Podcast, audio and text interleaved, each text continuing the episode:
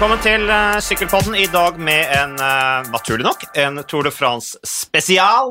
Og har, jeg har bytta litt mannskap, for jeg har jo normalt sett hatt uh, Magnus Aare som min hjelperytter. I dag er det Marius Skjelbæk. Velkommen. Takk for det. Du har jo faktisk ledet denne podkasten, har du ikke det, i Tour de France i fjor? Jeg tror jeg var hjelperytter da òg, ja. faktisk. Da tror jeg det var Mats Vedevang. jeg tror du må hete Mats for å lede denne Eh, podkasten. Det er et kriterium. Ja, et kriterium dauphiné. Libre. Veldig riktig, Marius. Ja. Eh, og så har vi også Jørgen eh, Ågedal Sundt. Eh, Jorgen Sundt på Twitter. Vi har jo vært på tur sammen. Eh, vi var jo i Innsbruck under VM i 2018 og så på denne drepende harde eh, VM-fellesstarten der. Det var kjempegøy. Du var med der fordi at du vant managerspillet da altså i 2018, og så var du med som gjest, og da fant jeg ut at uh, du er jo en glimrende mann som man kan ha med på denne podkasten, fordi du har jo mye å komme med. og så er Det sånn... Det er godt at noen er glimrende å ha med i denne podkasten. ja, men det er du også, ja, Marius. Ja, ja, det er jo derfor du er med. og Jeg kan jo bare ta det også, Marius, vi skal jo jobbe mye sammen Ja, vi skal det. under Tour de France, og da er det du som skal lede sendinga. Ja.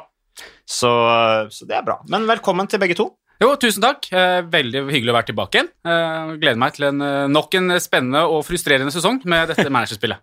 ja, for det er mye frustrasjon, Jørgen. Jeg skjønte det på deg i fjor når vi spilte inn da en managerspesial, og du kom med dine tips. Da var det litt sånn, det var, litt, det var en glede, sorg, eh, fortvilelse. Eh, jeg så det på blikket ditt, men forskjellen i år det er jo det at nå har du i hvert fall ikke tatt livet av sommerferien din.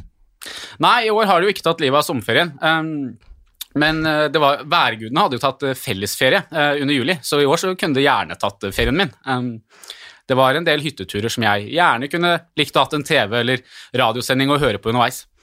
Ja, Åssen var det med deg i sommer, Marius? Ja, du uh... Jeg prøvde jo konseptet ferie, sommerferie, for første gang da, på, på veldig mange år. Syns egentlig det var terningkast tre. Jeg syns det var helt greit. Ja.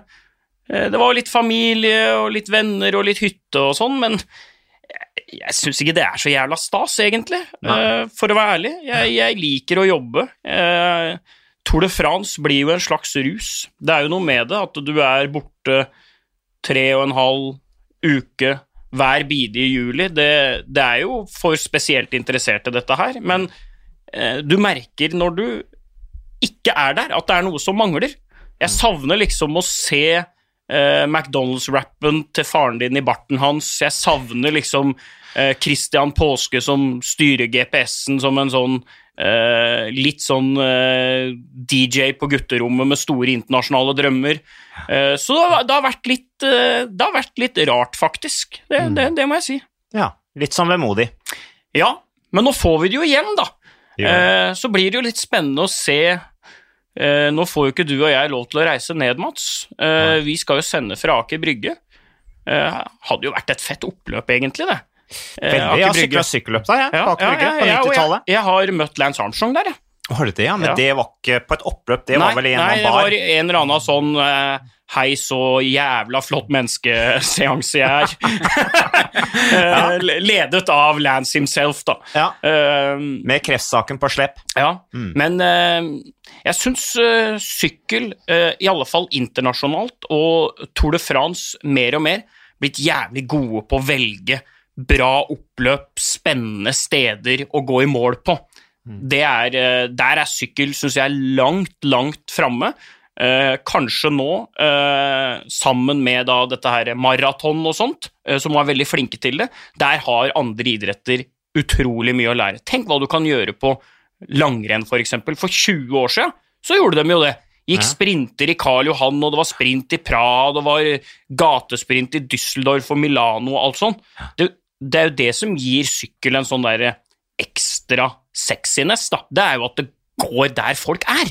Ja. Det er ingen som trenger å oppsøke. Det er jo ikke sånn folk sier at ja, ja, Belgia, der er de helt sykkelgale og alt det der. Ja da, det er jo det, men det er jo fordi det går tvers gjennom hagen. Mm. Ikke sant? Det er et element som sykkel er utrolig flinke på. Det var veldig bra sagt. Jeg er helt enig med det, Marius. Vi må jo snakke Tour de France. Eh, jeg bare tenkte jeg skulle ta noen kjappe fakta. Eh, det er 107. utgaven eh, i år.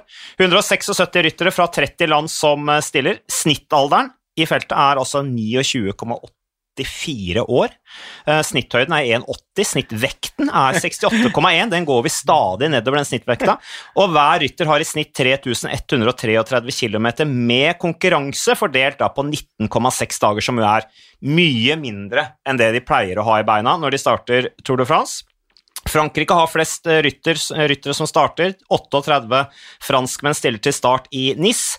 Og i feltet, blant disse 176 startene, så er det altså fire nordmenn. Det er uh, Amund Grøndal Alliansen, Jumbo Visma, Alexander Kristoff, UAE, Vegard Stake Lagen, UAE og Edvald Boasson Hagen, NTT. Og så vet vi også at Carl Fredrik Hagen er hastesendt ned, står om det på TV 2 uh, sine sportsnettsider om Carl Fredrik som nå måtte reise ned der. Jeg tipper han er ganske sånn passe happy med det, når han innerst inne vet at det sannsynligvis ikke blir noe Tour de France-banen, og hvis han kjører Tour de France, så må han bare uansett kjøre og passe på Calibune. Ganske stusslig i så fall. Da er det bedre å kjøre Giro Italia fullt ut for sammendraget, spør du meg. Men uh, ok, karer. Uh, Jørgen, uh, jeg tenker liksom at nå tar vi litt om Tour de France, men vi må jo koble det på managerspillet. fordi at nå har vi altså hatt to uker hvor uh, i hvert fall jeg og jeg tenker Christian Påske og sånn generelt vi i sykkelredaksjonen i TV 2 vi har blitt bombardert med spørsmål. og Da snakker jeg om liksom på alle slags medier som er. Tekstmeldinger, hva det måtte være. Når blir det noen turmanager i år? Så det er noe som fenger. Uh, og først Hvem er favorittene dine til å vinne Tour de France, Jørgen? Ja, til å vinne? Jeg tenker at du du kommer ikke utenom uh, to stykker, uh, Roglic og Bernal. Og håp, jeg håper for Pinot sin del at han har en like god Tour de France i år som i fjor, uh, og, og få være med. Jeg syns det var forferdelige bilder i fjor, uten å snakke for mye om det, når han måtte trekke seg.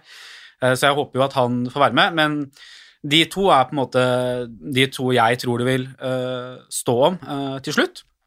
Men jeg er jo enig med altså Innledningsvis her når bare snakker om de kule stedene og kule byene, så ser man at i år så har man gjort om litt på løypa også. Og det er, det er mye mer kupert i starten, så det jeg er kanskje mest spent på sånn, også sånn managermessig den første uka, er jo eh, Eller første ti dagene, egentlig, eh, er jo Er det noen lag som har lyst på den gule trøya?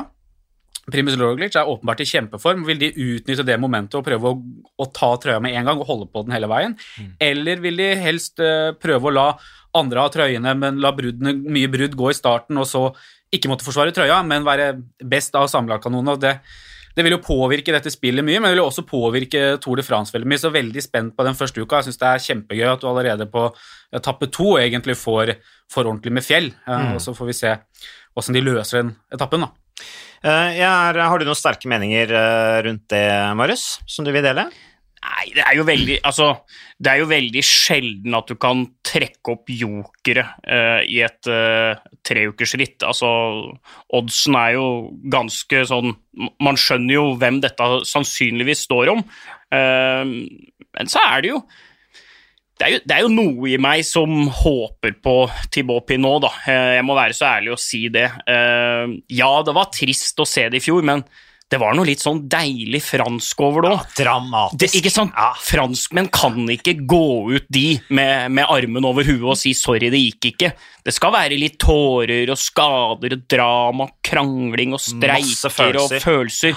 Uh, så jeg syns det var noe Jeg syns nesten det var litt vakkert. Ja, helt enig. Egentlig. Vakkert er ordet jeg også ja, håpa du skulle si, Marius. Og det navnet, Thibaut Pinot. Ja. Den tempoetappen opp uh, Planche de Belfi det er vel ikke så vel Han er vel fra Vogesen, er han ikke det? Helt riktig. Uh, det, det, det, hadde vært min lille drøm i år, altså, om Pinot kunne satt disse søramerikanerne og han derre skihopperen litt ordentlig i, i veggen på en tempo opp til La Planche de Belfi. Jævla Tenk deg han i gult trøye opp der, da, oh. på nest siste dagen i Tour de France. Ja, faen. uh, Roman Bardet han har jeg på en måte gitt opp. Han stoler jeg ikke på lenger. Han, han, får prøve å vinne noen etapper og, og, og sånn, men, mm. men, uh, for meg er det Thibaut Pinot nå, altså. Uh, det er det. Bardet kan ta bakketrøya. Er ikke det en bra mann for bakketrøya, Jørgen? Hva tenker du, sånn managerspillmessig? Ja, uh, nå får vi jo se, da, uh, om uh, Det har jo vært ryktet at Bardet rett og slett skal gå for etapper. Jeg har tenkt at det er helt riktig, for, jeg, jeg, for det første er jeg enig med Marius. Han, ja. han, er ferdig, men jeg tror også at selvtilliten hans er ferdig. Ja. Jeg tror ikke han har tro på det selv i treukersritt lenger. Jeg tror han må ha en sesong hvor han går inn i Tour de France og, og når målene sine, og derfor sett målet til to etappeseiere og klatretrøya, eh, som er mer naturlig å få til. Men så ser du noen nyheter i dag hvor de snakker om at det skal være delt kaptein med Latour, og de skal Mm. gå for best mulig plassering i sammendraget. Altså, det er sånn, ja, jeg er enig ut fra ruta, den passer han bra, fordi nå har du kutta ned på antall tempo, og den ene som har tempo, går mye oppover også, men Mm. jeg er helt enig, jeg tror han er ferdig, så jeg er spent på om han går for, gå for klatretøy eller hva det er. Jeg frykter at det blir en sånn mellomløsning hvor vi prøver sammendraget først, og så er det Adundas etter dag eh, 11, og så prøver vi på klatretrøye og litt sånne andre ting. kunsten er jo litt sånn der eh, Nibali-messig, ikke sant? At eh, du, du skjønner at ok, her blir det ikke noe topp tre. En fjerdeplass, femteplass, til og med kanskje en tredjeplass for meg i sammendraget. Vel, det har jeg klart før. Vinner jo aldri, men jeg har blitt nummer tre én gang. Da er det jo mye fetere å legge seg så langt bak i sammendraget at du får lov å gå for de etappene, da. Eh, Sånn som Nibali gjorde eh, Nå går jeg sur, det var vel i forfjor. Ja, jeg tenker på når han vant, eller? Ja. Nei, nei, ikke da han vant Tour de France, men da han fikk lov å kjempe om å vinne dronningetappa, Ja, ja. eksempel. Ja, ja, ja. Ikke sant? Og, Mm. og det er jo en mulighet som Bardet, eh, vil jeg tro, går etter i år, da. Ja, og Bardet har jo ikke lyst til å sykle fort på de flate etappene og henge seg på Nei. når det er hektisk og Nei. folk venter. Han har han lyst til å komme langt etter, han. Ja. For han syns det er skummelt inne i feltet der. Ja, Så da, da vil han heller tape ti minutter. ja. Så kan han slappe av litt, slippe løs skuldrene, og så kan han, eh, er han litt mer i flytsonen og kan velge ut enkle etapper liksom, Ja. der kliner jeg til, og så gjør jeg et kjempeshow, er offensiv, og franskmennene elsker det. Det må jo være fantastisk, tenker jeg, da, eh, som rytter, å, å være en sånn type vinner, da, som kan kjempe om disse her, eh, gigantiske triumfene, hvor eh, altså Den følelsen av å måtte vinne en Tour de France-etappe, det må jo slå en tredjeplass any day. Ja, og særlig når du lager tenkt. show, da. Og særlig når Ja, du lager show ja. i tillegg, ikke sant. Ja, han han, han- han hadde jo- Han hadde jo Sånn som Varm Bargiljo for noen år siden. Han hadde jo, ja, og så hadde han én syk etappeseier en gang. Han eh, var det opp til Peragud, den der uh, eh, James Bond-landingsstripa stemmer, i Pyreneene. Ja, ja. Da, da Bardet vant der, det, det var helt sånn uh, Det var helt magisk. Mm. Eh, Det var to ting som var magisk den dagen. Det var ikke eh, humøret i vår Skoda, fordi at jeg hadde rota bort en Skoda-nøkkel oppe på Peragud der. Men da Bardet vant opp der, Froome gikk i veggen, Landa var litt sånn der, så ut som han nesten apa litt med sin egen lag. Nei, det, det, det var en fet, det var fet Ja. etappe. Men det var også en etappe hvor du kanskje trodde at nå tar Bardet steget. Ja. Nå, Ja. nå blir han Det, det trodde de! Det trodde de i Frankrike da. Selvfølgelig trodde Mange ganger har de ikke trodd det på 30 år, liksom. Ja, men, og så er det tilbake der. Men du er inne på den der slippe seg tilbake. Bargill gjorde det. Det var også sånn Ala Filip gjorde for to år Ja. siden. Veldig spent på hvordan Ala Filip eh, løser Ja. det første uka. fordi tror ikke han egentlig kommer til å prøve å gå for sammendraget. At det er tilbake til eh, etapper. Ja. Eh, men så er jo den etappen som han kanskje liker aller best, etappe to. Ja. Får han lov til å gjøre noe på etappe to? Han kommer ikke til å få lov til det. Så ja. der altså, må, må han få med da hele toget over og ta de siste bakken. Altså, Ja. jeg er inne på vurderinger med en gang, da. Men De slipper ikke han en gang til, som de gjorde i fjor. vet du. nei. Eh, jeg, jeg tror liksom at eh, Ineos følte at de hadde kontroll hele veien, men jeg tror at etter den tempoetappen de var de på Eh, snakker dere om Bardet fremdeles nå? For Nei, jeg nå er vi på Ala Filip. Ala Filip, ja. Ja. ja. Nei, ikke sant. Der tror de lar ikke han gå. De, de, de, de tør ikke Nei. én gang Nei. til, vet du. Nei. Så han Eh, må, han må tape hvis han skal ut og gjøre rabalder. Ja, Men jeg tror ja. han vil utgjøre rabalder. Jeg tror han er fryktelig skuffa over at uh, både VM og OL ryker i år. Ja. Det tror, uh, tror de han har satt blinkeren på det. Ja. Det blir spennende å se. Nei, men det er uh, Men da har vi liksom hoppa Da er vi ferdig med bakketrøya. Den der Bare det vant jo den i fjor, eh, så sånn sett så er det ikke noe sånn der eh, supergodt tips. Men bakketrøya er uansett den vanskeligste å Ja. ta, men bare det kan bli en killer også på managerspillet hvis han taper tid og Ja. får lov til å velge ut enkeltetapper hvor han virkelig kan showe og Mm. gå for etappeseier. Ja, altså tenker jeg at I tillegg til Bardet, så altså Bargill som nevnes, som har gjort det før, altså hvor lenge holder Quintana med, og på en måte hvor mye får han gå, Uh, selv om vi får se da hva Ala Filip velger å gjøre, om han vil gå for ny trøye. Du har, uh, jeg er også spent på uh, EF Education, om de vil faktisk eh, Hvordan blir det med Uran og Martinez etter hvert? Skal Ja. de være kjempetopp ti, eller skal de gå for etapper? Altså, Klatretrøya er den vanskeligste å tippe på, og så Mm. til syvende og sist Eh, det kan jo godt hende at Bernal hadde tatt den i fjor, hvis han, hvis han hadde fått Ja. sykle ferdig eh, Ja. de etappene som ble avlyst. og da Du skal ikke se bort fra at vinneren også har den trøya til slutt. Det, det er også et moment, så det er den desidert vanskeligste trøya å tippe. Ja, jeg er enig i det, men uh, uansett så Du får jo poeng i managerspill også når ryttere går først over toppene og sanker poeng. Det er eh, viktig. Eh, så ser det ut akkurat nå da, til at reglene er at du ikke får poeng for at eh, lagkamerat vinner eller å få trøye. Så får vi se om de reglene endres etter hvert. Men det bør de som skal spille, følge nøye med på, for det har mye å si. Ja, Er ikke det veldig bittert for de som satser på de sterke hjelperytterne, som har litt hjerte for de? Jo, men nå vet du jo om regelen, da, så da må du bare gjøre om taktikken. Altså, så, så det er jo likt for alle. Men eh, det er klart, det har vært en strategi mange kjører, spesielt i de første ukene med spurtere og sånt. Så, så det blir kanskje litt annerledes i år, da, eh, hvis de reglene holder seg. Men eh, Jeg har ikke satt opp noen managerlag ennå, for jeg tenkte jeg skulle vente nå til vi har spilt denne podkasten og jeg har hørt gjennom den et par ganger og notert ned noen viktige poeng. Men Jørgen, du er på ballen. Har du satt opp laget ditt allerede, eller? Nei, altså jeg fikk jo Jeg sjekket, så jo det i går at eh, spillet var klart. eh, Litt sånn tilfeldig på Twitter etter at du sendte meg en melding om jeg kunne være med her uh, i dag. Og da var det også Så da var, egentlig brukte jeg mest tid på å se gjennom ruta, uh, og, og så gikk jeg ned og sjekka laget. Men jeg har ikke satt opp noe fullstendig lag og har ikke begynt å kjøre inn i Excel-skjemaet når jeg skal bytte. Uh, Så det blir noen Du er så nerd, altså.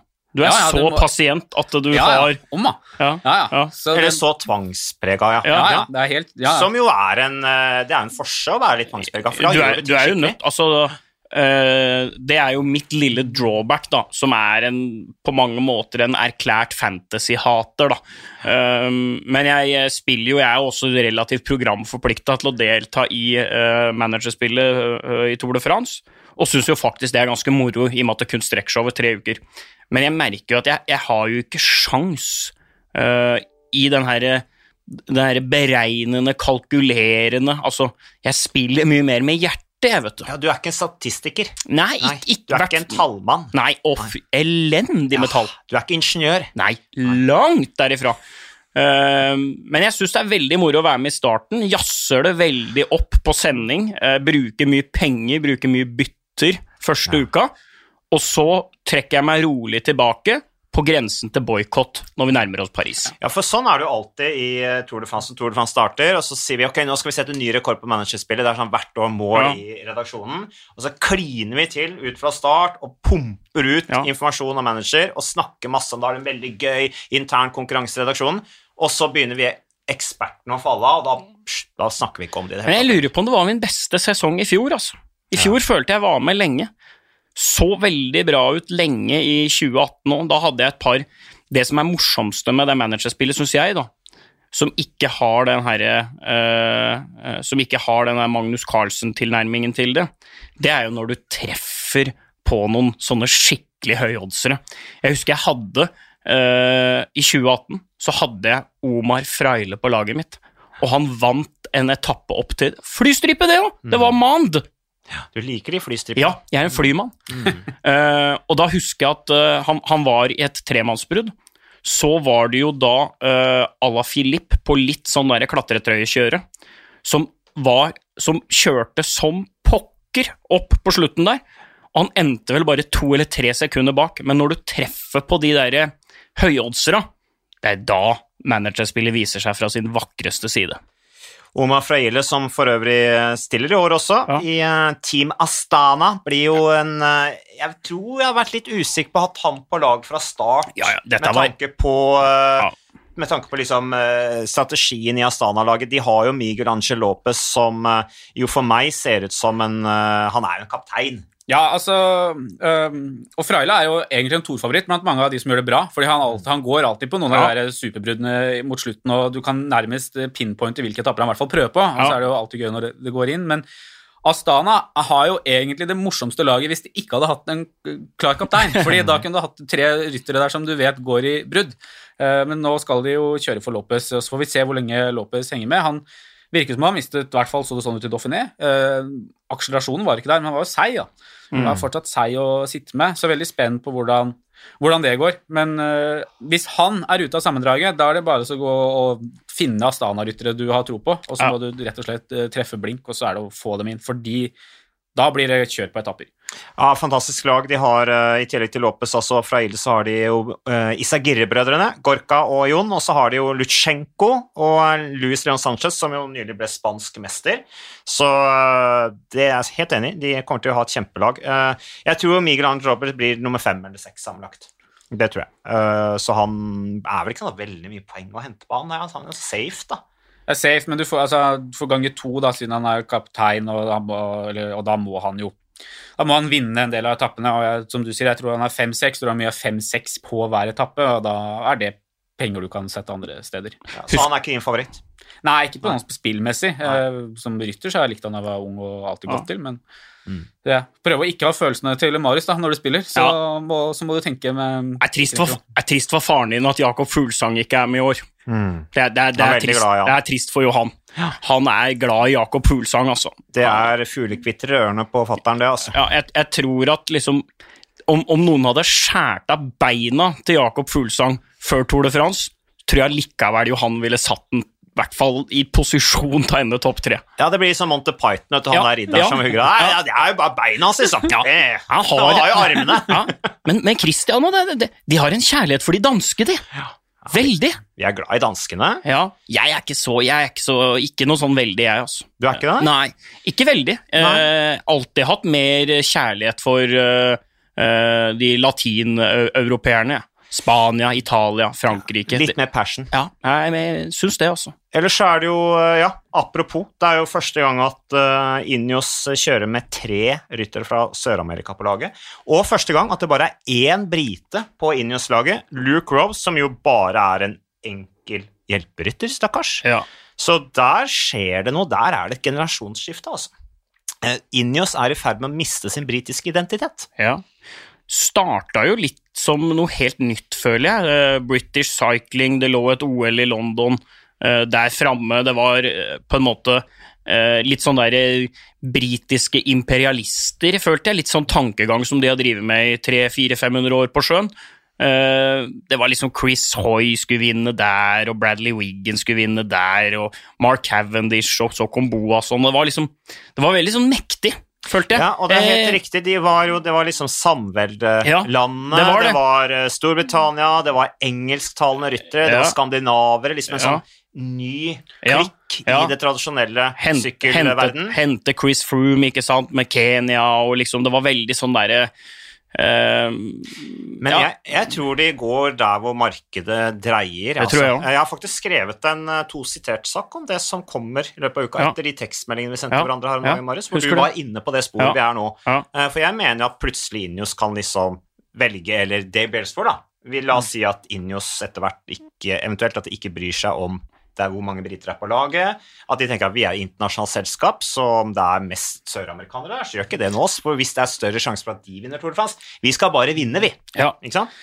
Og det, det, er nok eh, det som har overlevd da, fra på en måte, starten. Eh, mm. De skal vinne, eh, og det er mantra. Og hvis du ser på det laget, så er jo det Det er klart at det er godt nok til å vinne. Og veldig spent på Carapaz, da, som den på en måte i utgangspunktet eh, sterkeste løytnanten til eh, Bernal. Hvor, eh, hvor, god er han i år? Har han den klatreformen han hadde fra giroen i fjor? nå skulle han jo egentlig sykle giroen i år òg, så, mm. så, er jo veldig Men hvis han mot formodning skulle ha den formen, er jeg kanskje en av de få da, som kan klatre fra Bernal igjen.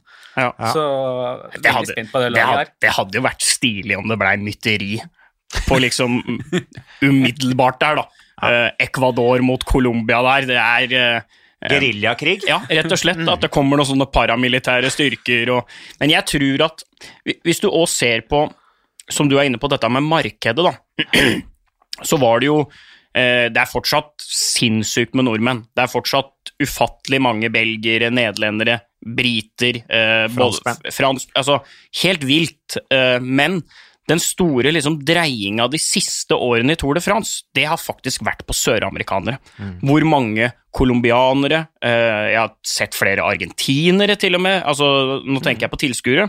Og ja, sånn, ja. Ja, mm. og hvis du da også ser på Ineos, da, som firma og alt dette her, driver med olje og, og dill og dall, det er klart at de det, det, er, det, er, jo ikke noe sånn at Sør-Amerika er jo ikke noe dårlig destinasjon uh, for det firmaet heller. Uh, så Mye olje utafor kysten det, i Sør-Amerika. Mildt sagt. De er bare litt sånn De er en smule dårlige til å forvalte det et par land der nede. Og derfor så trenger de et Injos ja, ja. som kan hjelpe dem med det. Ja. Og som foreslår at vet du hva, jeg foreslår at vi gjør som i Norge. Dere får 70% av inntektene. Det gjør vi. Ja. Jeg vet ikke om de sier det, men det burde de sagt. Det blir tøft. Jeg håper på mytteri. Ja. Jeg, håper på, jeg, håper på, en sånn uh, duell internt, da. Uh, jeg håper på det i begge leirer, ja. både i Jumbo ja. Og i Ineos. fullstendig anarki, altså. Men uh, et annet trekk ved Ineos-laget i år, da, for å ta de litt store linjene, er jo at det er, aldri, det er vel første gang at de stiller i Tour de France hvor alle rytterne er fra forskjellige nasjoner. Hm. Så, og jeg mener i 2015 da var det fem av ni på laget var briter. Så her skjer det ting, altså. Det er helt klart. Men uh, Egan Bernal, han, putter du ham på managerlaget fra start? Nei, det gjør jeg ikke. Men jeg setter aldri de beste kapteinene fra start, eh, eller i utgangspunktet. Det spesielt første uke, så jeg ikke eh, si, si det med to strekker under svaret akkurat nå, men i utgangspunktet ikke. Det er rett og slett fordi de pleier å vinne de etappene senere i rittet. Men det har også vært litt på ut ifra hvordan man ofte har operert i Tour de France, så er det liksom selvskrevet at andre lag enn de enn de som skal vinne til slutt, tar trøya første uka, for du slipper unna den jobben med å forsvare den trøya. Du skal, skal sykle nok kilometer uansett, så å slippe unna ansvaret et par ekstra dager gjør ingenting. Klarer det Jumbo Visma-laget å dy seg da, tror du? Nei, det tror jeg ikke. Nei, ikke jeg, jeg, jeg, jeg, er veldig, for jeg er veldig spent på akkurat ja. Jumbo Visma i år, ja. fordi de, har, altså, de også kliner jo til med alt for å vinne. Ja. Og der tror jeg, jeg tror også de er litt sånn i de skal vinne i år, og, og en, nesten er enda større sjanse for mytteri hvis de altså, hvis Demolay har dagen, og, og, så er det han som skal kjøre, og hvis han sitter i gul, så kjører vi for han. Der bytter vi om på flekken, for vi skal bare velte inn i oss fra Ja, det tror jeg er liksom kontrakten der. At ja. når vi har så mye gode ryttere, så liksom vi, vi, vi kjører for den som er best. Ja. Uh, altså, Roglic er jo uh, sikkert en harding, han, altså. Uh, men det er på en måte den, den holdninga de har i det laget Der var at de, liksom, de skulle dele på kapteinsrollen, de skulle hjelpe hverandre, kjøre for hverandre. Jeg tror de har hatt noen runder med lagbygging der, men én ting som er sikkert, det er at Tom Demoulin ser ut som, i hvert fall ut fra det kroppsspråket jeg kan lese meg til, at han har kost seg litt i det siste. Liksom, han har ikke hatt så mye press. Han har kunnet kjøre seg i form etter å knapt sykla nå siden i fjor, ikke sant? Eh, han er endelig i et lag hvor han ikke er eneste kaptein, man må bære hele ansvaret på skuldrene. Og den siste etappen i Criterium Dauphiné, der syns jeg han var knallsterk. Så han blir farlig, tror jeg, med den erfaringen han har. Ikke uenig. Syns uh, he helt enig og veldig Hvis den første, hvis den første ti dagene går på en måte rolig nok, så han ikke er kjørt av, ja. så han er med ja. Sånn at de har to kort, fordi Lotto har jo vist det før den etappen hvor Kreuzweig eh, gikk og ble henta eh, Thomas, Jen Thomas helt på slutten der, men mm. hvor de liksom stikker av gårde med fire minutter. Altså, De er villige, da, når de har to kapteiner, til å bruke i hvert fall vist tidligere, at de er villige til å satse alt på den ene kapteinen, vel vitende om at det, det, kan være ødeleggende for resten av toren for den rytteren, men vi gjør det fordi det er måten å slå på. Det er faktisk noe av det råeste jeg har sett. Det var det Kreuzberg gjorde på den alpestappen med det der monster solobruddet. Ja. Makan til lagarbeid, altså. Så det var jo synd han ikke vant, da. Det ja. ville vært helt fantastisk. Men uh, jeg tror også at Den blir så jævla bøse, de nederlenderne, hvis de vinner. Oh, ja. NOS og det der. Jeg syns ja. vi, bor, seg, vi bor jo veldig ofte med de, vet du. Uh, vi kjører veldig likt opplegg som NOS. Uh, utrolig flotte folk. fantastiske typer. Blide, tørste, sosiale. Uh, veldig ålreite. Men de siste åra har det vært Det har vært litt mye Nederland, føler jeg. Altså, de, det begynte med en sånn seier til han derre Bauke Mollema et år, og så har det liksom bare balla på seg med han Gronevegen og mm. Ja, så det, de, de, blir litt bøse, de nederlendere, altså. Altså bøs, hva tenker du på da? Det, litt Høy sånn, på seg sjøl? Ja, ja, litt sånn, ja. Mm. Uh, men uh, Sånn kan jo nederlendere Altså, nederlendere er veldig ålreite folk. Uh, jeg ja, husker da. det var hyggelig med nederlenderne når jeg var prosyklist sjøl òg. De, ja. de, snakker alle språk, de prater med alle, de er veldig sånn de er internasjonalt anlagt. da. Ja. Uh, de er tolerante, ikke minst. Ja, ja, ja altså, så, men, men, de, jeg, det, de kan bli ikke, litt høye på seg sjøl når de gjør det veldig bra. Da er det sånn liksom, ja, Vi eier sykkelverden. For øvrig et uttrykk vi jo har brukt mye. Ja, Nei, Nederlendere er litt sånn, men det det er, helt, altså, toleranse er nok stikkordet på Nederland som ikke bare sykkel, men som, som, som samfunn. da. Uh, det er mye som er tillatt i Nederland som ikke er tillatt andre steder. Derfor så er jo Dylan Groneveggen nå selvfølgelig tilgitt for det veltet i Polen. Ja. Så, Men uh, han er jo for øvrig ikke Han med i Tour de France. Han fikk altfor mye tyn for øvrig for det greiene der. Ja, ja, ja. Men drit nå i det, han skal ikke sykle. Nei, han skal ikke sykle, så han er ikke tema. Men uh, uh, jo, det var det jeg skulle si. Så du tar ikke inn disse antatt beste sammenlagtrytterne før litt seinere, da. Jørgen, på tross av at andre etappe allerede er jo uh, en uh, tøff etappe. Det er til og med bonusspurt på den siste, eller på den siste bakken de skal over. Mm. Og det må vi være klar over. På enkelte etapper så er det bonusspurter på fjellene uh, hvor det plutselig blir litt gjevere å sitte i front for sammenlagtrytterne. Ja, nei, så vi, vi, vi får se, da. Det kan jo hende at uh, hvis det går opp med bytt og ikke sant, eh, så, så går, hva, Tradisjonelt da, i dette spillet så har du kunnet sette et lag første uka, og så må du gjøre noen bytter etter, eh, etter ca. sju dager, og så til uke nummer to, og så har du en x antall bit til uke nummer tre. Så får du alltid det problemet at du skal bytte tilbake igjen til den flate siste spurtetappen Mm. i Paris. Mens i år så er det, er det litt eh, annerledes i starten. Så du må jo eh, hvis du er som meg og ikke er på følelse og skal regne, så må du regne fram da, om du måte får plass til de aller beste kapteinene. Men så er jo også spørsmålet om ja, selv om jeg får plass til dem, hva er sannsynligheten for at de faktisk eh, vil og går, og, og, og den hele bøtteballetten der. Så det handler jo egentlig om å eh, lese seg opp så mye du klarer i forkant, og analysere, og til slutt så må du bare gå for det magefølelsen sier, da. Mm. Si at uh, jeg tror kapteinen kjører full At uh, Jumbo klarer ikke å holde seg av fatet. Uh, Ala Filip blir fornøyd fordi han kan være med, eller de lar bruddet gå en som er sånn halvgod til å klatre og får en, noen dager i gult. Så jeg er veldig, veldig spent på det. Så kan være riktig, kan være feil. Men vanligvis så gjør jeg ikke det. Jeg tror ikke jeg kommer til å gjøre det heller. Du blir aldri stressa. Er det liksom Du tenker ok, nå ligger jeg 1700 poeng bak uh, Flåklypa, uh, Team Flåklypa eller et eller annet sånt noe.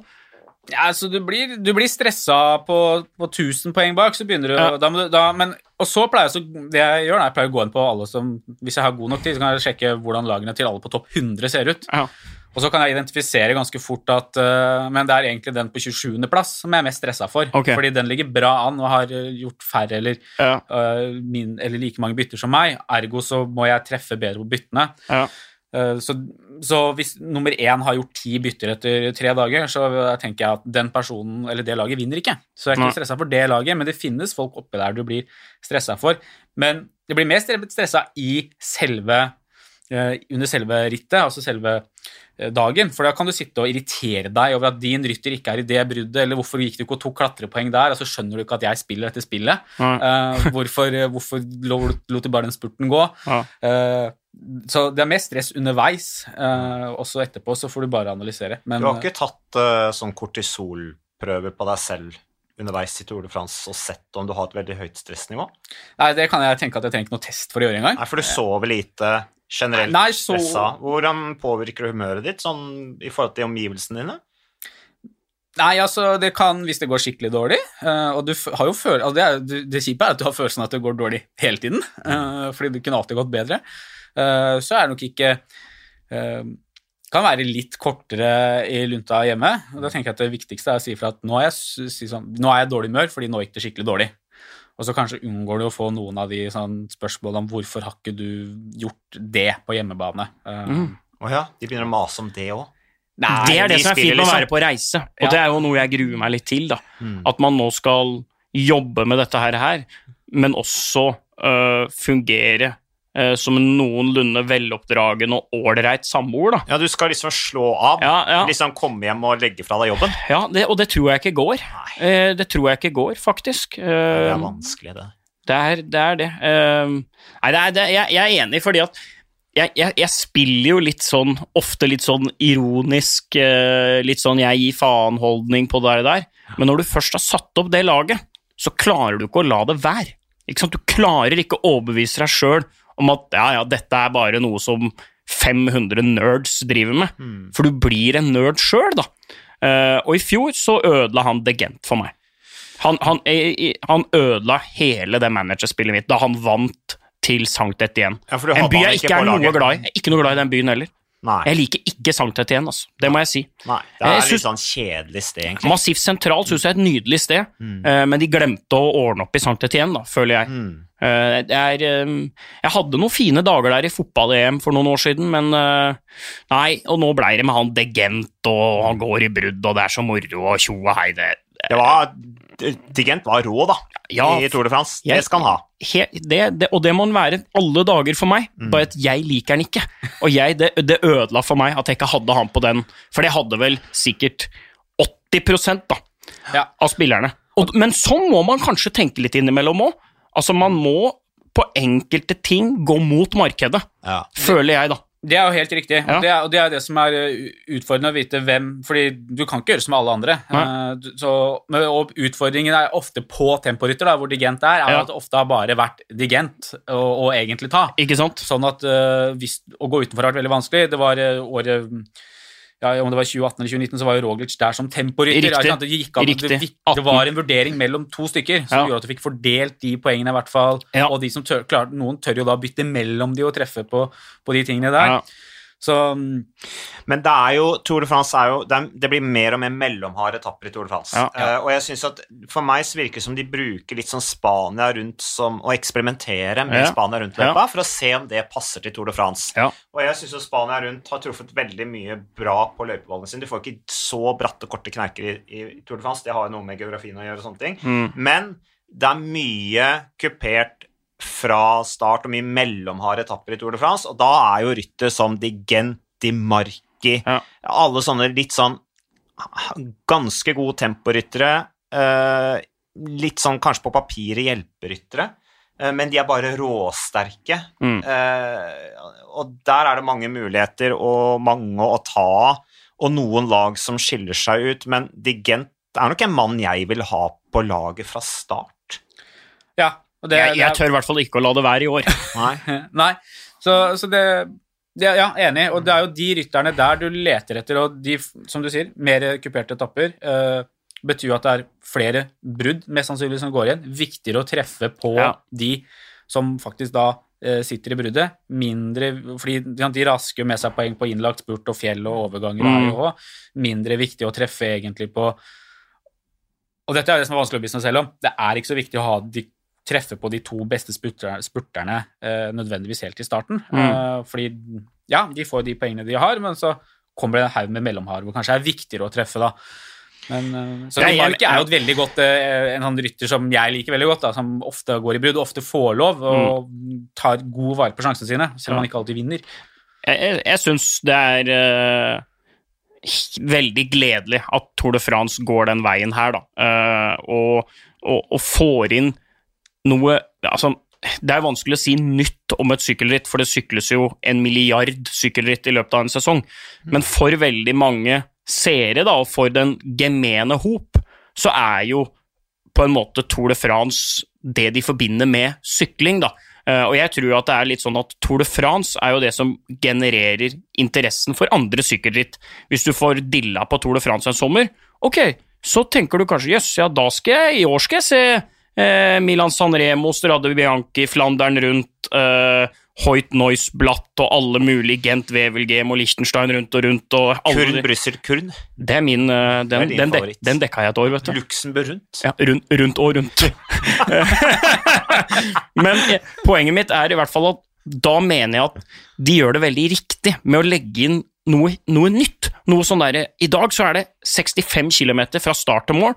Det skal opp et fjell, og så skal vi ned regnvær, og så skal noen tryne, og så skal vi i mål i Chambry Altså, Og så skal vi gjøre det hardt å kontrollere. Ja, ikke sant? Hjelperytteren skal virkelig De skal få seg ja, hvis de skal ja, klare å samle ja. feltet her, altså. Ja, og det der, der er uh, Syns jeg er fantastisk av ASO, at de, de legger inn noen sånne juveler av etapper, da, som er uforutsigbare, spektakulære på, på sin måte. For 220 km rett fram, og så skal Peter Sagan vinne til slutt. Det er liksom Det, det, det tror jeg i framtida kommer til å bli for kjedelig, altså. Ja, men, det, men jeg så litt på statistikk i stad, og jeg ser hvordan løypa endra seg Ja. fra liksom altså Før var det mye mer sånn skille mellom flatt og fjell. Ja. Nå er det et eneste stort surr, altså. Ja.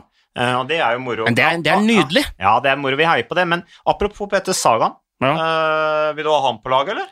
Jeg mener jo at det er jo Det sier de hvert år. Det er Ja. to, to ting som er regel. Det er at du må ha Peter Sagan på laget ditt. Ja. Eh, fordi han er en av de som tåler de litt mer kuperte dappene. ikke sant? Ja. Så, og han skal ha den grønne I hvert fall til nå, da, så har han jo jakta den grønne trøya. Og, og i tillegg så er det vanskelig å komme unna på grunn av Peter Sagan, vanskelig å komme unna Båra Hansgrå som eh, sportsdirektør. da, Eh, fordi, du får, fordi han vinner såpass og tar så mye poeng. da, Så jeg syns jo Sagan Sagaen er fryktelig vanskelig å komme seg unna. Eh, Er det litt sånn hjerte, eller er det statistikken som taler det er, nå? det er begge deler, da. Ja. føler jeg at, som Hvis du ser statistisk, så er det vel Han tar ofte flest poeng av spurterne, eller gjør han hvert år. Eh, men i tillegg så har jeg også en forkjærlighet for Peter Sagan, fordi han han snakker med beina, og han er showman. Han er litt som han, han, han, er spurternes Ala Filip. Ikke sant? Altså. Sykkel er ikke bare sport, det er underholdning. og Jeg ligger som nummer 123, da drar jeg en wheelie, så får supporteren noe igjen for det. Og det er noe med også, når Vi snakker om marked, og det er også kjenner liksom markedsverdien til seg selv. og jeg Mm. Mener jo at Du kan snakke om at idrettsutøvere generelt trener jo ekstremt godt. Mm.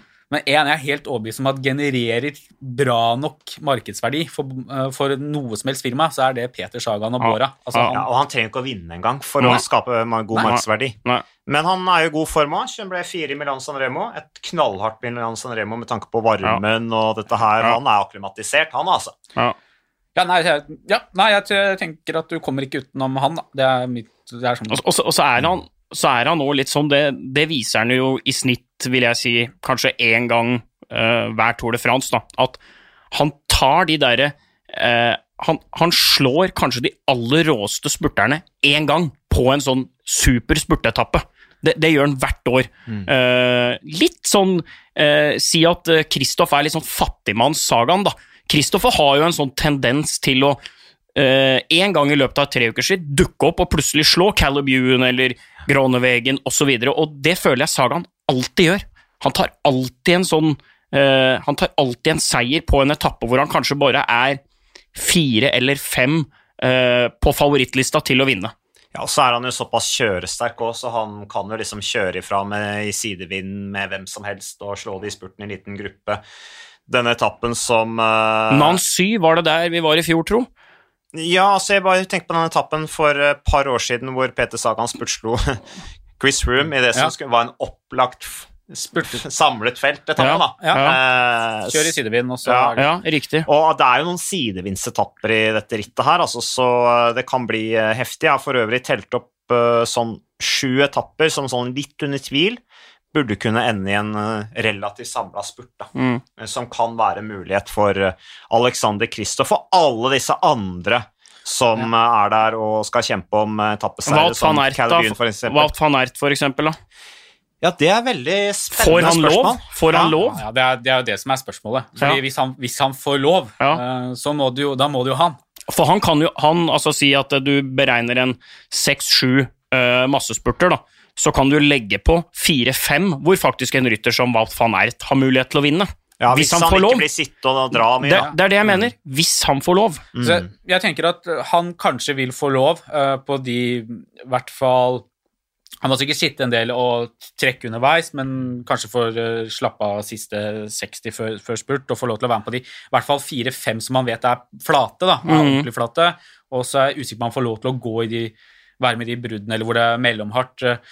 Men ja, han er også en som, som er sånn veldig sånn touch and go da, på om Ja. du har eller ikke. Og Ja. kan, det mest irriterende i verden det er jo ikke å ha han, og så får han lov. Ja. Og så vet du at du bomma på de poengene han dro inn på den første etappa. Og så Han ga, bra, han ga bra med poeng i fjor, Ja, han gjorde det, selv til tross for at han var ferdig halvveis. ferdig halvveis. Jeg tenker at han, eh, han er en bra mann å ha på laget, og jeg tror det når Amund Grøndal Jansen kom inn der og Mm. erstatta Kreuzberg, Ja, ja. så var det en som eh, Ja. hadde litt ekstra grunn til å Ja. kose seg litt ekstra til middagen. Altså. Det var Walt Wout van Ert. Fordi han har bra sjanse- kan bli viktig for, eh, for eh, godeste Walt van Men, Aert. men Walt van Ert har jo kanskje bra sjanser veldig tidlig her, tenker jeg, da. At, han, Ja.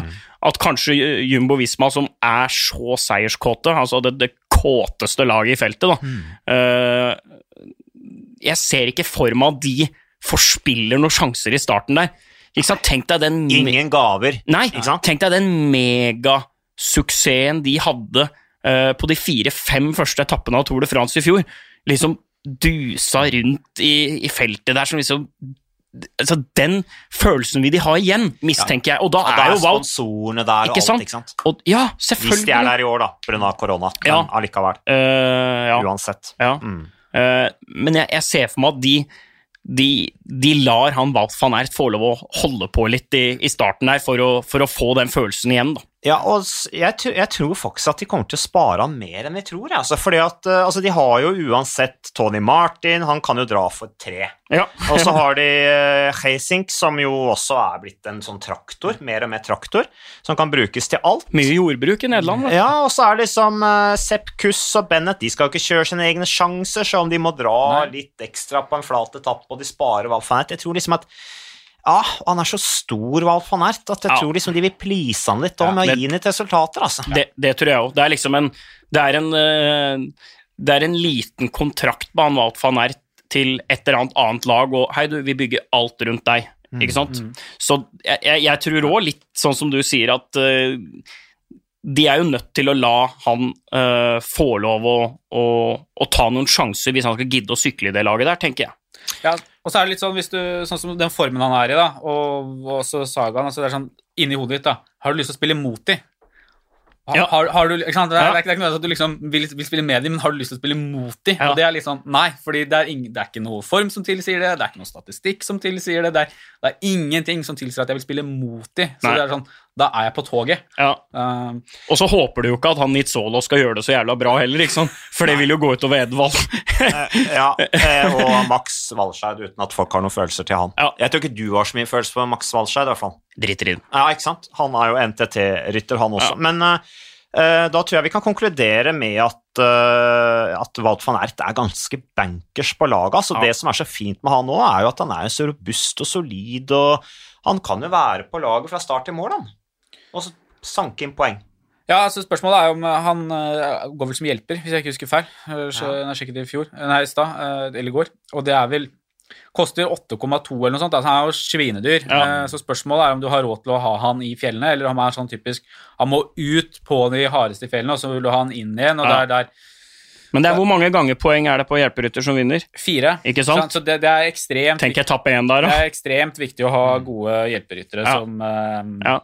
Som drar poeng. Eh, men derfor er jo også denne regelen om at du ikke får poeng for eh, lagkamerat. For hvis du tidligere har fått eh, 40 poeng for at eh, lagkameraten din vinner, så har det jo har det også vært en fordel av å ha riktig hjelp. Det var en sånn syk twist i fjor med lagtempoetappe tidlig der. Og da ble det gjort om noen regler, husker jeg. Det som i hvert fall skjedde i fjor, var jo at uh, Gronnevegen velta, og Tøynesen vant. Og veldig mange hadde jo Toynussen som opptrekker eh, av at de skulle få 40 poeng på opptrekk, men de fikk jo 400 istedenfor fordi han vant. Riktig. Tøynissen. Akkurat. Tøynissen, ja, vi, ja, Tøynissen er en bra rytter. Han eh, kjører jo ikke i år, da, i eh, Jumbo Visma. Det blir jo litt annen type lag i år. Ja. Men eh, apropos det med brudd, da. Eh, når det gjelder bruddlag, så tenker jeg Michelin Scott er jo definitivt bruddlag, og Adam Yates er jo på laget, men for meg så er ikke Adam Yates en rytter som kommer til å satse på sammendraget. Og ikke Esteban Chávez heller. Nei. Det kan jo være at det blir topp ti, liksom, men det er mer fordi at de havner De ligger så langt bak, og så går de et brudd, og så plutselig kjører de seg inn topp ti uten at de egentlig hadde planer om det. Ja, nei, det tenker jeg helt likt, og virker som et lag som i utgangspunktet går for etapper. Mm. Og skal gå Den som har best dagsform og kommer i bruddet, den kjører vi for. Og det, det var jo også egentlig slik jeg opplevde at de gjorde det i fjor også. Kanskje Simon prøvde en Mm. periode, men når det ikke går, så har de en backup-plan. Eh, Da var jo Trentin helt ekstremt god i fjor, og, Mm. og sterk, men og du har jo en billig, billig hjelperytter der, i Jack Bauer til eh, fjellene kommer også, som kanskje Mm. gidder å gidder å løfte på rumpa. Så det er absolutt et lag du må vurdere å ha en del ryttere fra til de småkuperte etappene. Ja. Og, og når vi kommer litt senere i fjell hvor du, bruddet kanskje går inn. Står eh, Trentin som spurter? Eller Ja, jeg lurer på om han har bytta Ja. til spurter i år. Ja. Det gjør jo at verdien hans er halvert, da. Ja, riktig. For, han han, for han, han var det en etappe der i fjor hvor det var sånn Ja. Boom! Og så tok han eh, 900 poeng på en etappe, ja, ikke sant? ja, Altså, du- ja, for han var jo først over noen topper Ja. og um, men, ja, nei, han, Trentin er uh, en spennende rytter, altså definitivt. Og Ja. han er jo ikke noen massespurter lenger, men han er jo gjerne topp ti. Ja. Eh, og så er han jo en rytter Han er, blir jo mer litt stadig mer sånn Thomas Digenti Mark Becky-type, syns jeg. Ja. Altså Eneste utfordringen i år da, er jo det at han bytter fra, uh, til spurter, hvis jeg ikke Ja. husker feil. Ja. Noe som gjør at han da ja, halvering av, Så de 900 poengene han fikk i fjor da, på den etappen, hvis vi bare sier det, er 450 år, Ja. da var det jo andre som var viktigere å ha, Ikke selv om de ble nummer to over hver topp. Ja. Um, så det spillet er jo ikke helt sånn som resultatene er i virkeligheten. Nei. Um, Men uh, det er i hvert fall en uh, relativt lett start i NIS. Litt sånn småhumpete første etappe. 156 km åpner altså på lørdag. Det blir knallgøy. Um, Da er vi i gang, og så er det en ganske kupert etappe igjen da på, på etappe to. Uh, etappe tre så kan det bli samla spurt igjen, så eh, det gjelder å da ha noen gode spurtere fra start i hvert fall. Men så er det liksom, så har jeg satt rød strek rundt de etappene hvor det er blir flatt, og så er det etappe fire er fjell, etappe fem er bakketoppavslutning, etappe seks er kupert, sånn typisk bruddetappe, og så er etappe sju samla felt igjen, tror jeg, da. Mm. Uh, og så er det etappe åtte, fjelletappe, bruddetappe, etappe ni fra på til La Rune. Det er altså andre dagen i uh, Pyreneene. På og Toren hører jo sammen. Det er, faktisk en, det er den mest besøkte toerbyen i historien, faktisk. I løpet av 106 utgaver av rittet så er altså på besøk 72 ganger, og Julian Alaphilippe vant jo til på i fjor, men i år er det altså fra på. Så det skal bli spennende å se. Og så er det denne Ile de Oleron til Ile de Ré. Den Mm. er morsom, altså. 170 km, flat etappe, samlet felt, men der går det fra øy til øy. Mm. Og det har jo aldri skjedd i Tour de France før. Der er de ute på eh, Atlanterhavskysten, og der kan de jo Sidevind og drit, katter ikke sant? bikkjer, Ja, ja. ja, og det Herlig. er samlerryttere kommer til å være kjemperedde når de står på start. De kommer til å sove dårlig om natta. Og sånne som Bardet og sånn kommer da til å bare si ja, men jeg satser jo ikke sammendrag, så da kan jeg sette meg litt bak og blåse av. Ja, det er jo, Du har jo allerede nå lyst til å tippe på at uh, Nairo Quintana og Bardet taper ti Ja. på denne etappen. Ja, ja, ja. Det, er sånn, det er nesten Selv på 1-10 odds har jeg lyst til å sette penger på det. Fordi det er fortsatt bedre enn du får i banken. Ja. Nå er jeg glad Marius, nei, nå er jeg glad Magnus ikke er her, for han har jo en forkjærlighet til eh, gode, gamle Quintana. Ja, Eh, vel mase fælt om Quintana, Magnus. Han gjør det. Ja, det blir litt godt blir å ha lei, han i altså. et annet land i år, syns jeg. Ja. Eh, mase fælt om Quintana, altså. Ja, nei, så han, eh, han er veldig opptatt av Quintana, som jo eh, for øvrig da kjører i Arkea Samsic, et lag som jo har på en måte løfta seg litt, syns jeg. Men de tar ikke med på Hanni, som Nei. jeg trodde de skulle ta med pga. at han har vært litt på vei opp. Mm. Så denne ugangskråka fra Frankrike, som jo har Mike Tyson som store forbilde, Ja, ja. har jo måttet jo stå av. Tour de France. Eller på han, er jo en fet fyr. Ja, han er jo det. Ja. Men han er litt sånn underdog. eh, Litt sånn, er, han er veldig upopulær i feltet, eh, og han får jo skylda for alt. Men han blir behandla dårlig i feltet òg. Altså. De, de terger han. Så man reder, ligger man, Mats. Det er sant, det. Jeg heia alltid på han mot Demar, jeg, faktisk. Når det, jeg var på Boani-sida der. Ja, den duellen får vi jo ikke, for Nei. DeMar kjører jo heller ikke Nei. årets. Tour de France. Skal det- kjøre giroen. Ja, jeg veit det. Uh, ja, litt sånn derre Litt sånn sjansespill å ikke ta med den franske rytteren som potensielt har størst sjanse til å vinne etappe, syns jeg, da. Eh, ikke veldig sånn fransk tankegang å la han være hjemme, eller? Og så er han jo akkurat blitt fransk mester. Ikke sant? De får ikke vise fram. Nei, det, det syns jeg Den Det sitter langt innenfor det- Mark Madiot, manageren der, altså, Ja. som jo drives av Og følelser. jeg, jeg kan nesten ikke fatte det. At uh, Nei, det syns jeg er veldig rart, Ja, altså. Det sier jo hvor, mange, hvor mye de legger i Pinot. Pinot, ja. Ja. Men jeg er enig. Altså, ta han med for én av de som er gode på flaten, og så sier du at du får lov til å Du får ikke noe opptrekk, men du får lov til å spurte på de flate, og resten så skal du sitte og passe på det du klarer. Vinne åpningsetappen Ja, ja. i trikoloren nede på boulevarden i Nis der. Ja. Det, er, det ble jeg ordentlig overraska over. At han At de ikke bare tar med han. Ja. ja, og de kunne jo sagt det, liksom Demar, nå er du blitt voksen, liksom. Ja. Uh, se til Wout van Ert. Ja. Hvis du, altså Fremtidens sykkelryttere med mindre Tour de France-lag, da må du være litt mer potet. Og nå Ja. er han blitt så robust. Han slår jo Gilbert Ja. og sånn i, nå nylig, ikke sant, i tøff bakkespurt i Valloni. Så han er jo råsterk. Ja. Så det Nei, det er litt synd. Det, det er litt synd at han ikke er med, syns jeg. Og så er det litt morsomt da, med dette kommersielle sirkuset som Tour de France er. Og så stiller da altså Francé de Jeu da med trikoloren, sant, franske mestertrøya, Mm. uten en eneste sponsorlogo på. For Mm. de skal ikke skitne til trikoloren. Nei. Eh, Og det er jo som, det er jo som Mark Madios Han ble spurt om det nå nylig, så jeg et sitat på han. Og så sier han ja, men svarer han til den journalisten ha, Når du ser franske flagget på Champs-Élysées, Mm. tenk om du skulle klistra masse kommersielle merkelapper på det flagget. Det, det går jo ikke. Ikke sant? Det er logikken, da. Mm. Man skitner ikke til flagget.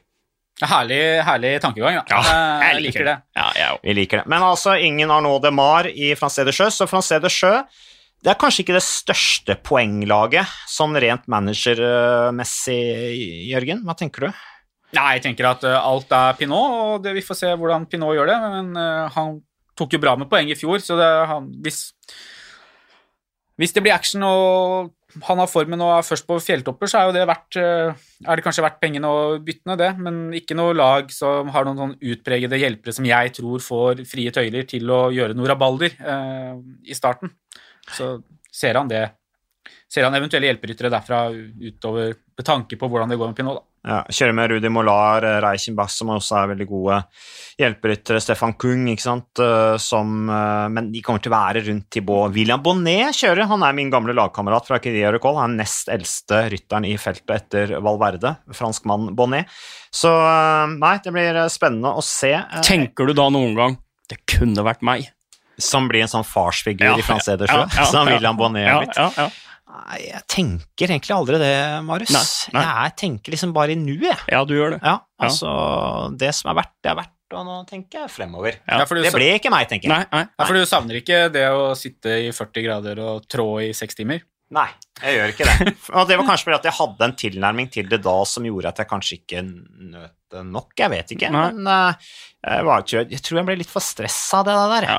Så det passer meg mye bedre her å sitte og snakke om stresset enn å gjøre det sjøl. Ja. Så jeg har i hvert fall fått kjent det litt på kroppen. Da. 40 varmegrader. Sykkel tror jeg er en av de idrettene i verden hvor flest som legger opp, ikke savner det. Det- Ja, bortsett det er- fra David Rebellin, da, som jo akkurat eh, ble 80 Sibio-tour, dette første rittet etter koronaen. Ja. 48 år gammel. Ja. Nei, men det er liksom ikke sånn som Det er ikke sånn som eh, Sånn som eh, fotballspillere, ishockeyspillere hvor de Altså, hver gang du går på en stadion og hører det bruset, så er det jo ikke en, det er jo ikke en kjeft, kanskje for unntak av Mats Hansen, som, som, som ikke savner det. Ikke sant? Men, men akkurat, det, akkurat på sykkel ja, Det har jeg aldri hørt om, altså. Noen som ser alt du er, så tenker 'faen at jeg har lagt opp'.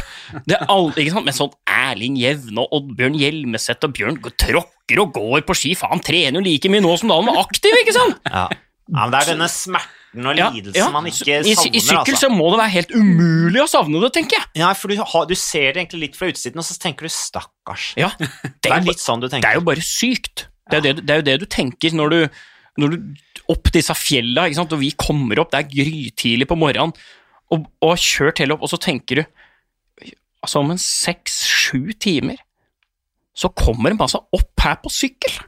Ja. Det Altså, det kanskje regner og hagler og de Nei, velter. fytte grisen. Altså, det er sånn stakkars Og det er jo litt den iboende tankegangen som ligger i på en måte det etablerte, kultiverte sykkelpublikum i Frankrike, Belgia og sånn, som på en Ja. måte har, som kjenner tradisjonene. Ja. De ser jo på disse rytterne her som sånne stakkar. Ja, Altså, ja. de vil jo ut og støtte ja dem. de unner de litt Ja, dop. Ja. cola De unner de dem. dop og Ja, juks. Ja, ja, altså de, Ja. De, skjønner, de, de skjønner situasjonen deres. da. Ja. De skjønner at rytterne Ja. lider Ja. og har det vondt. Eh, Og de er der ute for å støtte disse stakkarene. liksom. Ja, men det er nødt til å være så brutalt og umenneskelig for at idretten skal fascinere nok. Mm. Det er det eh, Nå har jeg gjort dette flere ganger, jeg hater egentlig å gjøre det hvis du sammenligner idretter. da. Hvis du ser ei femmile langrenn nå, det er egentlig langt fra det som er femmilas identitet og liksom eh, opprinnelse, da. For du kan jo tenke deg på 60-70-tallet med Gjermund Eggen og Ole Ellefsæter, da det gikk fem mil eh, oppe i, i Nordmarka med treski. Ja, de brukte tre timer og kvarter. Ja, altså Tenk deg hvor jævla hardt ei femmil på treski til Kikut og tilbake igjen.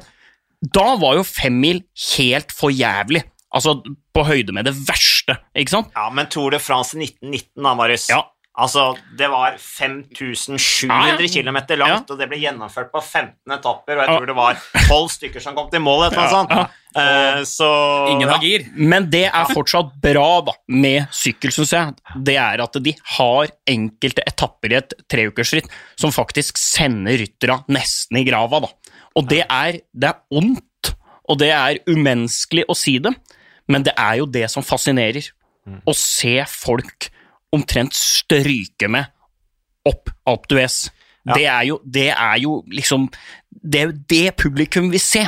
Men jeg tror nok arrangøren er lure òg, fordi at de, de kutter ned på lengden på Ja, etappene, ja. men så peprer etappen Ja. mye mer krevende. Altså, i, i år så skal jo rittet innom alle fjellkjedene som er i Frankrike. Ja. Så? Det blir veldig lite den der klassiske Du ser ikke rytterne sitte og tulle og jeg mener, Nei. Det er jo bilder fra gamle dager hvor de, hvor de, liksom, de, de, de, de satt med motorsykkelhjelmen til motorsykkelsjåføren, og de hadde Ja. så moro, ikke sant? Satt opp på skuldrene på hverandre mens de sykla og sånn. Mm. Så nå blir gøyer ser du ikke lenger, for nå er, det, nå er det stress og konsentrasjon og jag hele veien. Men de etappene er jo, er jo mye morsommere. Altså, det Ja. skjer ting hele veien. Ja. Eh, Det, det har jo noe med TV og interesse. Ja, ja, ja. Det også vente på at det skal skje ting Hvis vi vet at det kommer til å avgjøres de to siste fellene, og så skal du vente i 100 km på at de fellene begynner, det er jo, da kan vi kutte av de 60 første Ja. kilometerne, så kan vi ta et fjell til istedenfor. Ja. så kortere etappe. Men uh, Jørgen, bare sånn eh, Jeg tror vi må snart runde her nå. Uh, men eh, vi har ikke gått gjennom hele løypa og tim, ting. Det er mye, det mye bruddetapper der, som vi snakket om. Det er mye opp og ned. Du må følge med litt. Du må ha gode utbrytere på, på laget, for der er det masse muligheter. Det er masse muligheter for at disse bruddene ikke blir kjørt inn. Eh, det er eh, selvfølgelig viktig å ha noen sånne gjengangere som kan score mye på poeng underveis, sånn som vi har snakka om, at van Ert, uh, Petter Sagan Hvem andre var det vi nevnte? Nei, vi, altså, vi Matteo Tentin. Matteo kan jo være en Trentin bra kan mann. de marker hvis de, hvis de får lov til å gå. Uh, dessverre for Marius, da. Digent blir nevnt. Uh, Ja, Ja. Og så får vi se hvilke kapteiner som går. Men du skal ikke ha han på laget igjen i år, eller, Marius? Ja, Digent, du styrer unna. Du har på en måte lagt han for hat. Ja. I år så kan du- Litt sånn paven. Ja. I år kan du ha Dumoulin istedenfor, da. Ja. Så det kommer til å bli en sånn avveining Ja. eh, på Går Digent i brudd og får poeng der, eller er Dumoulin med opp favorittene, favoritten, og hvor tidlig er favoritten i front og får poeng der? Så Ja. det blir en sånn i, tilbake Er det mulig sånn mulig å få inn Jakob Fuglsang i året? Er, er det mulig å ha han bare for bare for å ha han på laget, liksom? Du er eh, helt enig med Sean Kelly, som eh, jo er den mannen i feltet som har flest topp ti-plasseringer i Tour de France på enkeltetapper. Han mener jo at Jakob Fuglsang burde kjørt Tour de France, for at du vet jo ikke hva som kommer. Altså, Det snakkes jo om liksom, det kan jo være at Tour de France stopper midt i Tour de France pga. covid-19, Mm. og så plutselig vinner en eller annen en av Tour de Gent. Ja, De Gent, De Gent vinner, vinner Tour de France sammenlag. sammenlagt. Eh, så og resten av sesongen blir eh, avlyst. Jeg tror jo ikke det kommer til å skje. Jeg tror de har mer kontroll på Selv om smittetallene går opp nå, så tror jeg de har mer oversikt og mer kontroll enn det de hadde i, i starten. Men uh, temporyttere har vi eh, bare sånn kjapt eh, Vi kommer til å følge opp dette her underveis, Mai. Så er det sånn at vi er blitt enige, Mai, sånn at vi kommer til å følge opp manager tett Fra-? Fra start. Fra start gjør vi det. Mm. Uh, så får vi, kommer det litt an på min plassering, tror jeg. Mm. Uh, det er jo jeg som styrer ordet i studio. Men vi kan jo også snakke om det. Altså, Ja. Det går jo an å på en måte snakke om ting, og det er jo veldig i dagen også at Ja. hvis vi er åpne, Ja, vi er det. snakker om det hvis- Dialog. Ja, altså Hvis du har vondt, så er det viktig at vi snakker om det. Ja. Og det som er fint med Tor Manager, da Nå vil jeg jo tro at de fleste som iallfall fortsatt hører på denne podkasten etter litt over en time med Jall, de er jo interessert i sykkel, så det er jo ikke akkurat de jeg, jeg føler jo ikke at jeg trenger å snakke til de for å rekruttere de til å bli sykkelinteresserte, men på et generelt grunnlag, da, så er det jo sånn at det å spille Tour Manager, det, det er jo et veldig fin sånn måte å forberede seg på, sette seg inn i ting. Eh, det er jo ufattelig god oversikt da, eh, på lag, ryttere, eh, verdi. Prissettinga sier noe om hvilken posisjon de har i laget osv. Så, videre. eh, så der syns jeg jo faktisk at Tour Manager er et ganske bra verktøy da, eh, for å følge eh, Tour de France. Men vi er enige om at det er frustrerende. Ja, og så bare raskt skyte inn eh, sånn eh, på tips på rytter og sånn.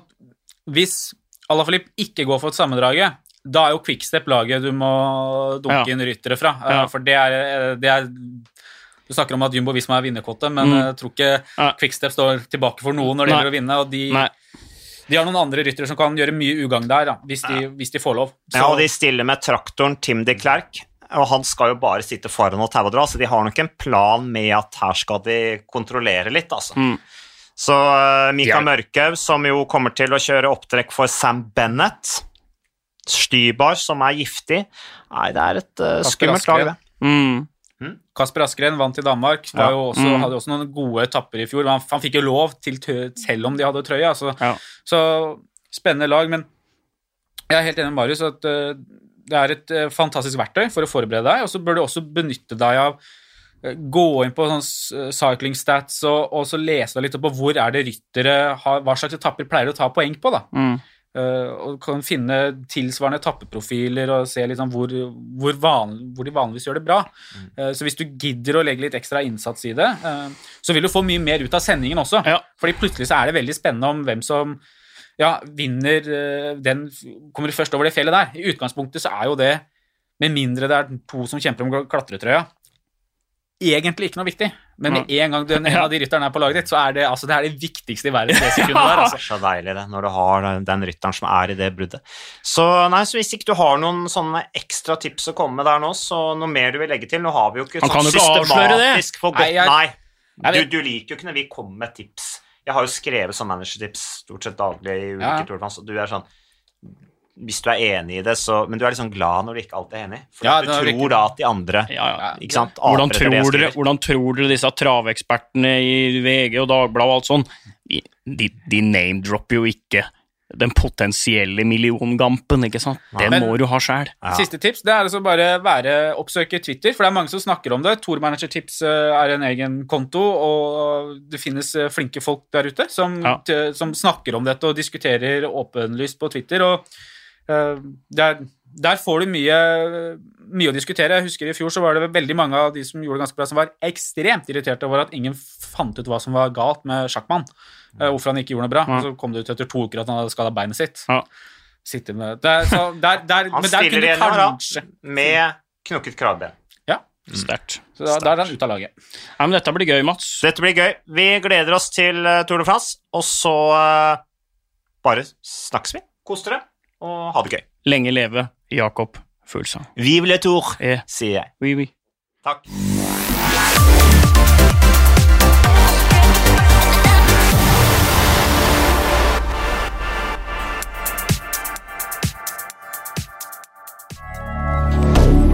Moderne media.